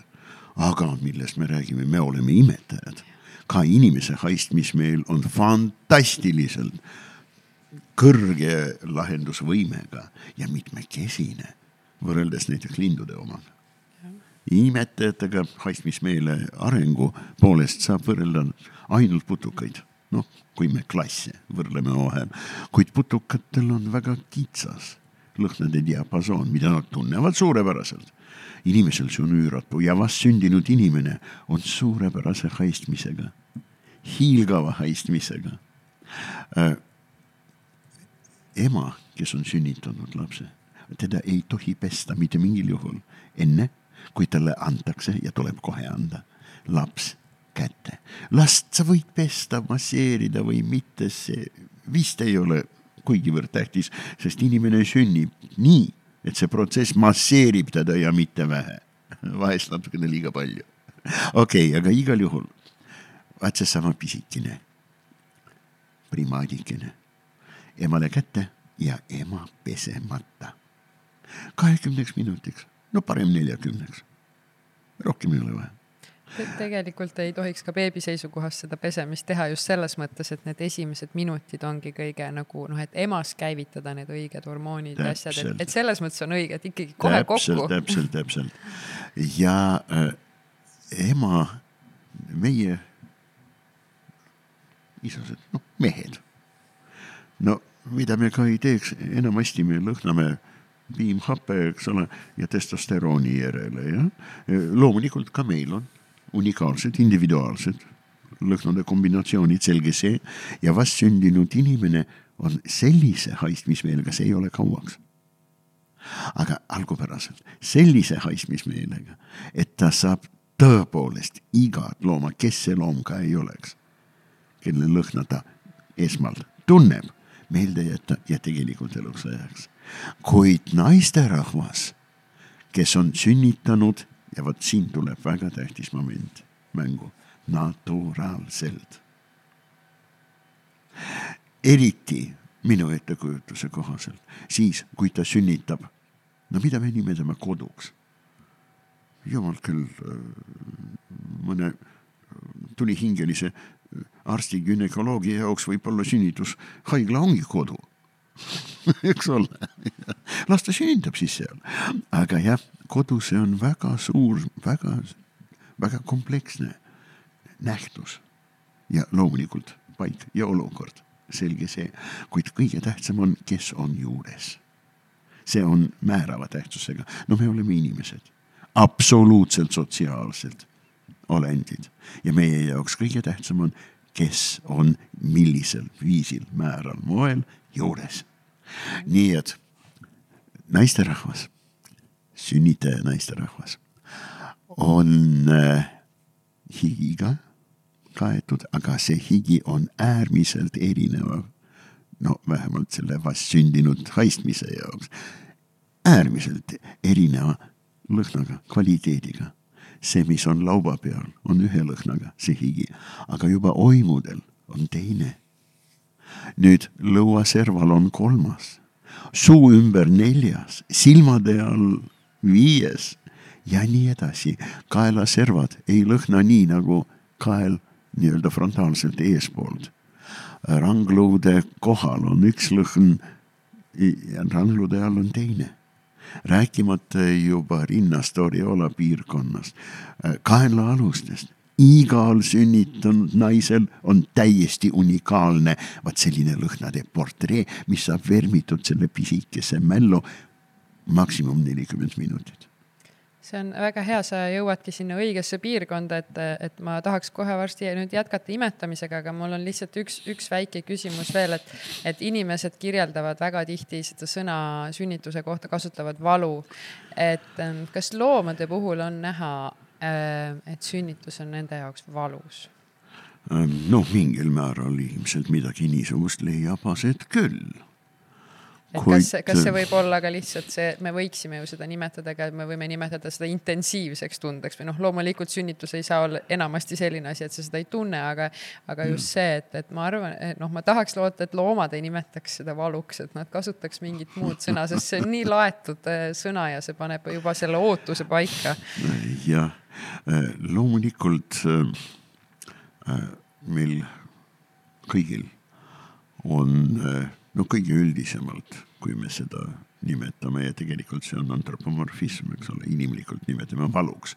valuretseptorid loomulikult olemas. Äh, hoopis teine asi on, kes kuidas tajub ja talub seda, mida me inimesed peame valuks. ka inimeste seas on tohutu suured erinevused. ma ei taha siin rääkida masohhistidest, mida nad selles leiavad, no ma tõesti ei kujuta ette, eks ole. kuid äh, isegi kui me nendest ei räägi, äh, siis on inimesi, kellel valu läve on väga madal, on selliseid, kellel on see väga kõrge ja on olemas terve hulk aineid, mille mõjul valu tuntakse, aga ei panda pahaks. selliseid aineid on väga palju. muuseas, kõik loomad tunnevad suurt, lausa põletavat huvi tundmatute, aga ägedate ainete vastu. nii et kui te lubate, me räägime siin väga väikestest lastest, eks ole. ja vot kui te ei taha, et teie laps või kuldkalake või miks mitte koduküülik või hobune hakkaks narkomaaniks, näiteks nikotiinikuks ja alkohoolikuks, siis ärge iial pakkuge kuldkalakesest võib saada alkohoolik, kui pakutakse, aga see selleks see on väga tähtis asjaolu muidugi, seda me ei tohi unustada. kuid paraku, mis valusse puutub, siis ma usun, et kui loom on terve ja sünnitus kulgeb normaalselt, kui ei ole tegemist patoloogiliste nähtustega ja neid võib alati olla, kas mingisugune nakkus loomulikult see on võimalik. parasiitideta ei ela mitte keegi suures, suures loomade maailmas, loomulikult. Ehm, kuid see võib olla mingisugune arengu, individuaalse arengu omapära, mis äh, komplitseerib sünnitust. Ehm, no näiteks äh, koduloomadel, seda juhtub suhteliselt ilmselt sagedasti. vabalt elavatel loomadel noh, reeglina, kui on komplitseeritud, no näiteks individuaalsete keha öö, omaduste või füsioloogiliste omaduste tõttu on komplitseeritud sünnitus, siis pojad reeglina hukkuvad, enamasti hukkub ka sünnitaja. inimesel ja koduloomadel on olemas meditsiin ja veterinaaria, eks ole, kuid lehmade puhul tihtipeale sünnitus kestab väga pikalt et sinu küsimusele, noh, meil ei ole nii palju aega, et vastata tõepoolest väärikalt, no, no, no nii erinevad on need loomad, eks ole. aga äh, siin on üks konkreetne näide.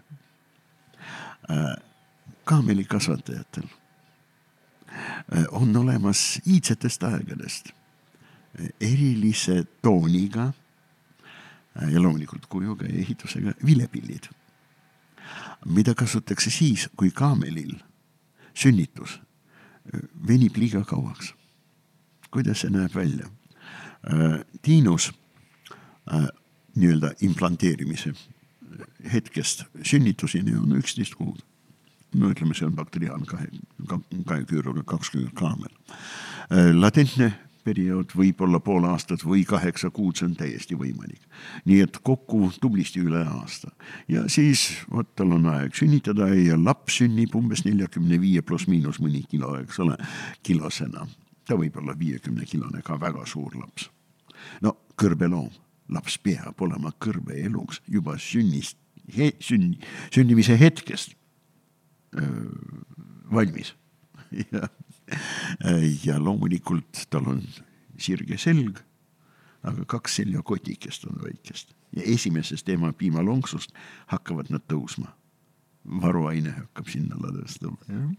nii et emane hakkab sünnitama äh,.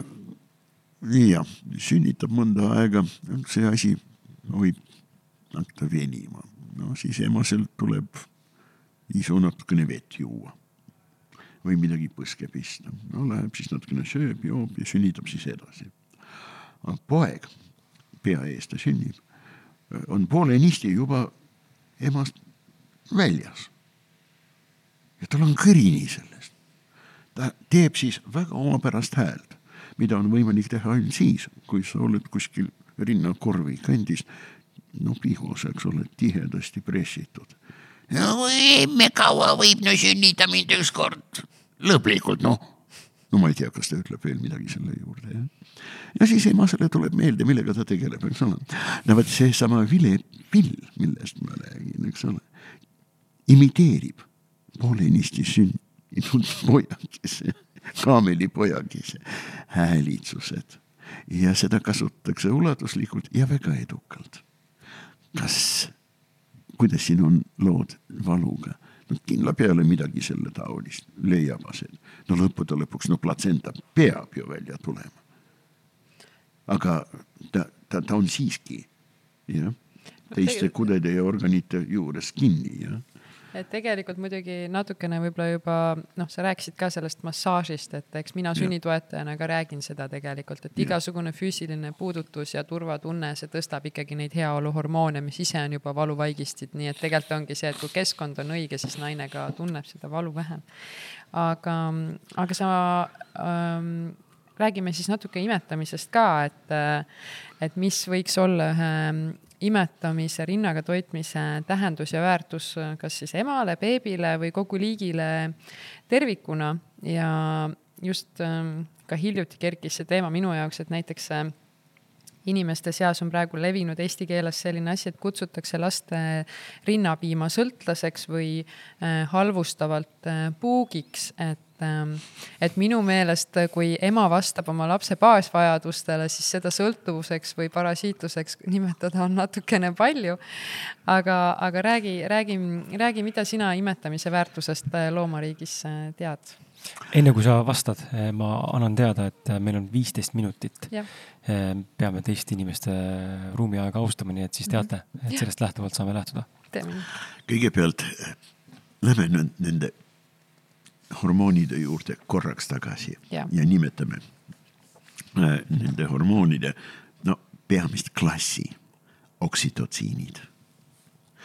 hingamisorganitega, noh, tekke poolest otseselt seotud hormoonid, hinga, hinga, hinga, hinga, õpi hingama, siis kopsud toovad, loovad sulle oksütotsiini ja selle hormooni mõjul sa tunned kõike seda, mis sinu organismiga on, toimub sünnituse ajal. aga niipea, kui see on läbi, sa oled seitsmendast taevast tänu oksütotsiinile.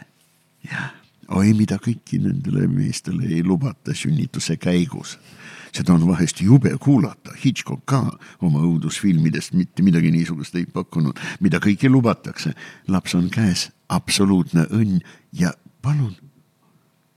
noh, teine laps varsti käes, kolmas, neljas, issand jumal, Charles Dickensil oma seadusliku naisega oli üheksateist last, pluss veel ühe proua tütar vist, kui ma ei eksi, jah.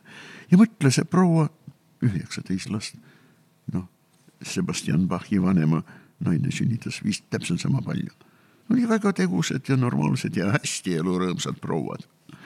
aga jah paraku äh, see kõik leiab aset, kui sünnitus on loomulik, looduslikult loomulik inimesele nii-öelda päris sünnitus.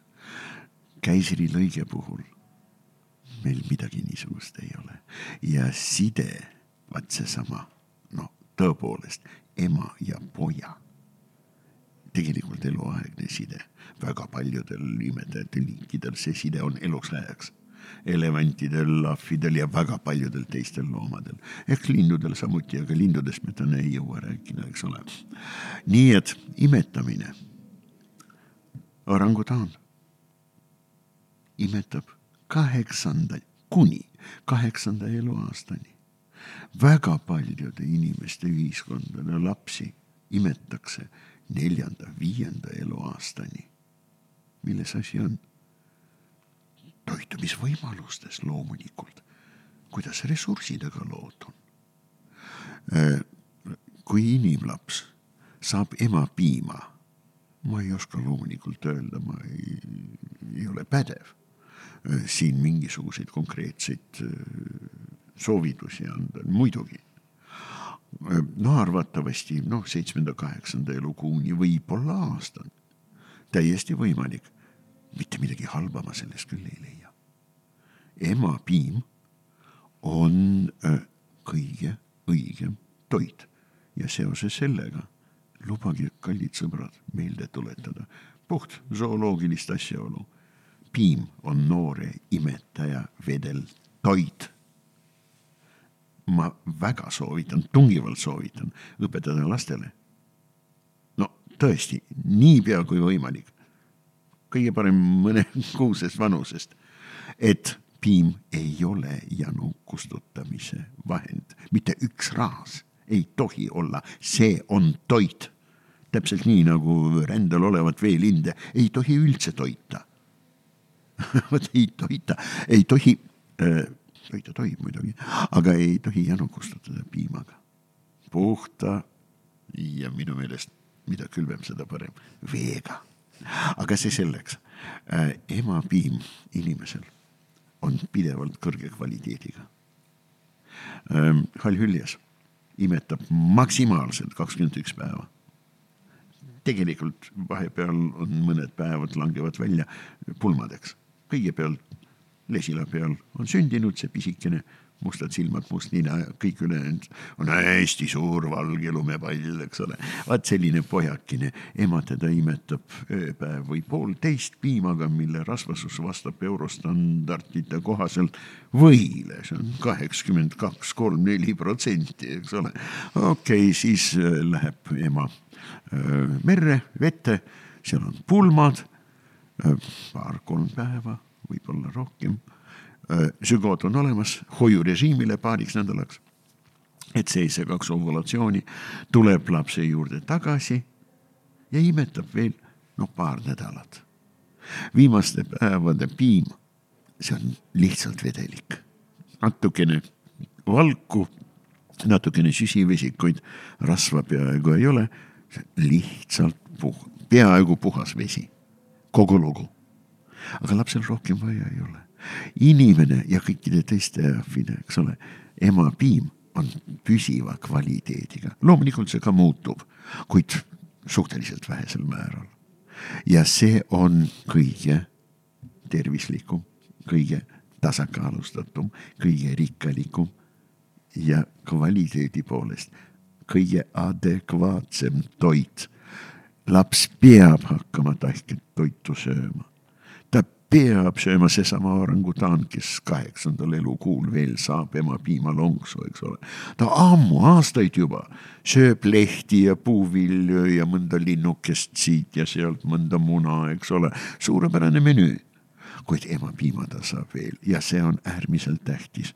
no näiteks karud ja minu kallid jääkarud.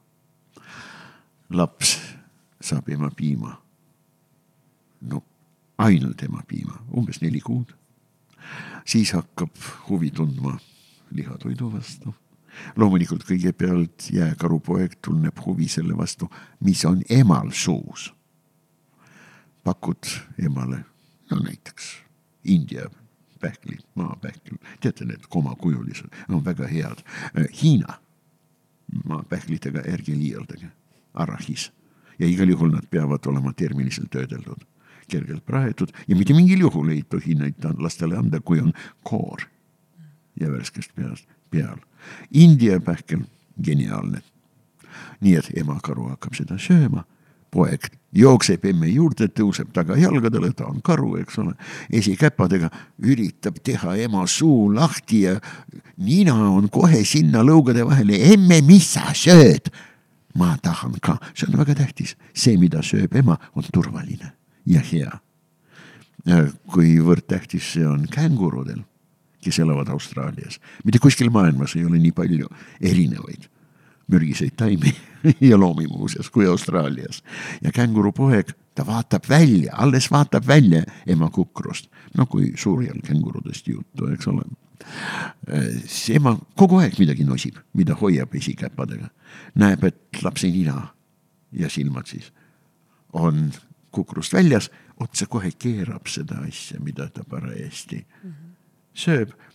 vaat selle nositud otsaga poja nina alla, ema suulõhn. vaat see värmi, värmimine mängib siin, noh, alus o,, alus, kõige tähtsamat rolli ja jääkaru, kaheaastane isane jääkaru on tublisti suurem emast aga ta mõned korrad päevad saab ikka ema piima, see näeb välja väga naljakas. ema istub, istub karupoosis, esikäpadega toetab vastu maad, aga jah, ta istub. siis volask, no ta võib olla saja kilo võrra emast suurem, kaks ja pool, kolm aastat, jookseb ema juurde, ema istub, valge kasukas rinna peal ja mustad nibud vaatavad sealt välja. vot see on kindel märk. siis poeg tormab ema juurde, läheb kõhuli no lapikuks, muidu tema ema oleks ema pea kohal, aga vot niiviisi ta ulatub nende nibudeni ja siis ta saab mõned ema piimalonksud seni, kuni ta neid saab. ta teab, ta on õpilane. väga tore, see oli tore, seda ma isegi hakkas film silme ees jooksma et, ähm, et ühesõnaga see jutt, mida siis tänapäeval need äh, kunstpiima ja piimasegu tootjad üritavad emadele maha müüa, et äh, iga, ükskõik kui palju D-vitamiine ja E-vitamiine nad sinna kunstlikult ei, sisse ei pane, see ei ole kunagi võrdne ikkagi ema, ema piimaga ja oma liigi piimaga Aga... ja selle kontaktiga. Just, et see kontakt ja läheduse vajaduse rahuldamine, ime, ime, imemisvajaduse rahuldamine on sama tähtis, et see ei ole ainult toitumise kogemus, vaid see on midagi palju enamat. aga lõpetuseks äh, võtaks siis, meil on neli minutit aega, et äh, võtaks selle teema, mulle väga meeldis ka see lause, mis sa ütlesid, et, äh, et kui sa istusid äh, näiteks oma ema ja tema vestluskaaslastega laua taga ja sa lihtsalt vaatasid oma emale silma, siis selle peale ta andis sulle sõna, et äh, see kõlab mulle väga ilusana, et teil oli selline kord ja kuulekus ja mõistmine teineteisest, äh, millest võib-olla tänapäeval paljud vanemad ainult unistavad. aga see kord ja kuulekus ei tulnud karmist käest, vaid vaid sa oled ka rõhutanud seda, et loomadel on väga tähtsal kohal käsud ja keelud, aga nad ei karista oma lapsi, sest neil ei ole lihtsalt aega vägivalla või füüsilise karistamise tagajärgedega tegeleda. et võib-olla see oleks selline hea mõte, millega siis lõpetada, et armastusega pole võimalik lapsi ära hellitada, et eh, ikkagi see on see tee, mida valida lapsevanemana. täpselt nii ja jääkarude jutu ma lõpetasin, eks ole sellega, et seni, kuni ta saab ema piimalonksu, ta teab, ta tunneb, et ta on õpilane ja loomad ja kõik meie viisteist tuhat liiki, kümme tuhat linde, viis tuhat imetajat.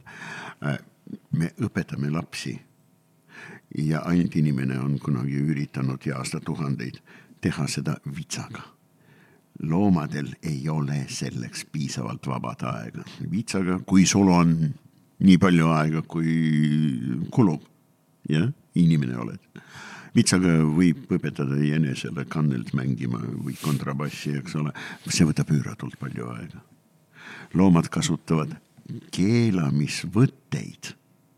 Ja keelab see, kellega sul on imprinting, vaat seesama ema. Päris afilistel, nagu kasvõi needsamad marmoseedid, see võib vabalt olla ka isa, aga ainult meie seltsi loomadel, jah ja loomulikult keelata tuleb väikest õpilast nii, et ta saaks aru, mida nimelt keelatakse. esiteks, et ta saaks aru, kas keelatakse praeguseks hetkeks või antud olukorras eluks ajaks. ja loomulikult sedasi keelata saanud laps reeglina kindlas olukorras, kus tema huvi mingisuguse objekti või tegevuse vastu oli väga kõrge sellisest keelamisest lapse õppimismotivatsioon tõuseb kohe lakke. ah soo, ema rebane niiviisi koonuga ei tohi läheneda närilisele, aga me ju sööme neid. näita, kuidas, kuidas, kuidas, kuidas me tapame hiiri ja siis ema näitab ja ühest korrast piisab. suurepärane, aga minu poolt suur aitäh sulle saatesse tulemast. meil oleks küsimusi ja jututeemasid veel vähemalt eh, teise kahe tunni jagu, vähemalt minu poolt küll. aitäh teile, head sõbrad. mul oli väga mõnus. ma iial ei väsi ega ei kaota huvi sedalaadi nähtuste ja siis vastavate juttude vastu olge terved ja rõõmsad ja jõudu teile teie väga õiges töös. enne kui me saate täiesti lõpetame, siis mul on sulle kingitused. mitte kingituus, vaid kingitused. me alati enda külalisi äh, katsume tänada ja, ja meie saate, saade kasvab kogu aeg ja meil tekivad uued koostööpartnerid ja siis tänu nendele on erinevaid asju sulle nüüd täna kaasa anda siit, et ma annan ükshaaval andma. ja saad siis äh, ahhetada ja ahhetada ja endale koju vii need. et äh, ma ei tea, kas sa oled suur muusikafänn või ei ole, aga mul on sulle üks džässialbum. artist Helim-Mari Arder on andnud välja uue džässialbumi nimega Must, et äh, seda saad siis kuulata. suur tänu, vaata, ma öö, suhtun muusikasse, no, no tõepoolest hingevärinaga. muusika on ülim kunst, mitte mingit kahtlust ei ole, kuid mul on lapsed ja lapselaps Miia, kes on neli aastat õppinud seal Vabaduse öö, tänava muusikakoolist ja kes sai nüüd seitsme hulka, kes hakkavad ETV-s laulma Miuks on suur muusikasõber ja, ja, ja oi, ma, ma armastan muusikat, aga ü- üle kõige teeb mulle see hea, sinu kingitust head meelt, sellepärast et mul on lapsed ja lapselapsed. Ja nemad jumaldavad muusikat ja nad jagavad ka midagi muusikast, kaasaegsest, mida vähem võitu. no näiteks mul on absoluutselt lemmikpala, see on Great Pretender. Väga hea. Ühtlasi on mul see anda äh, selline raamat nimega Teadlik mees, mis on siis meie Million Mindset kirjastuse poolt äh, selline äh, teadlikuks meheks äh, või meheks olemise või kujunemise teekond läbi ühe autori silmade siis, et lihtsalt luged ise või, või hoopis anda kellelegi nooremale, kes äh, tahab ennast äh, suunata. aitäh. ja samuti teine raamat, see on mu enda, enda sulest ilmunud, et see on küll neli aastat vana nüüd tänaseks. aga see on mu teine raamat Mõistmas, kes ma olen. ma olen siin kiilakas, täna olen patsiga, et aga, aga see on kirjutatud siis minu Austraalia reisikogemusest ja sellisest vaimsest noore inimese kasvamisest läbi filosofeeriva sellise eksist-, eksistentsiaalsete küsimusteni, et äh, siin on väike pühendus ja, ja seega kaasa sulle.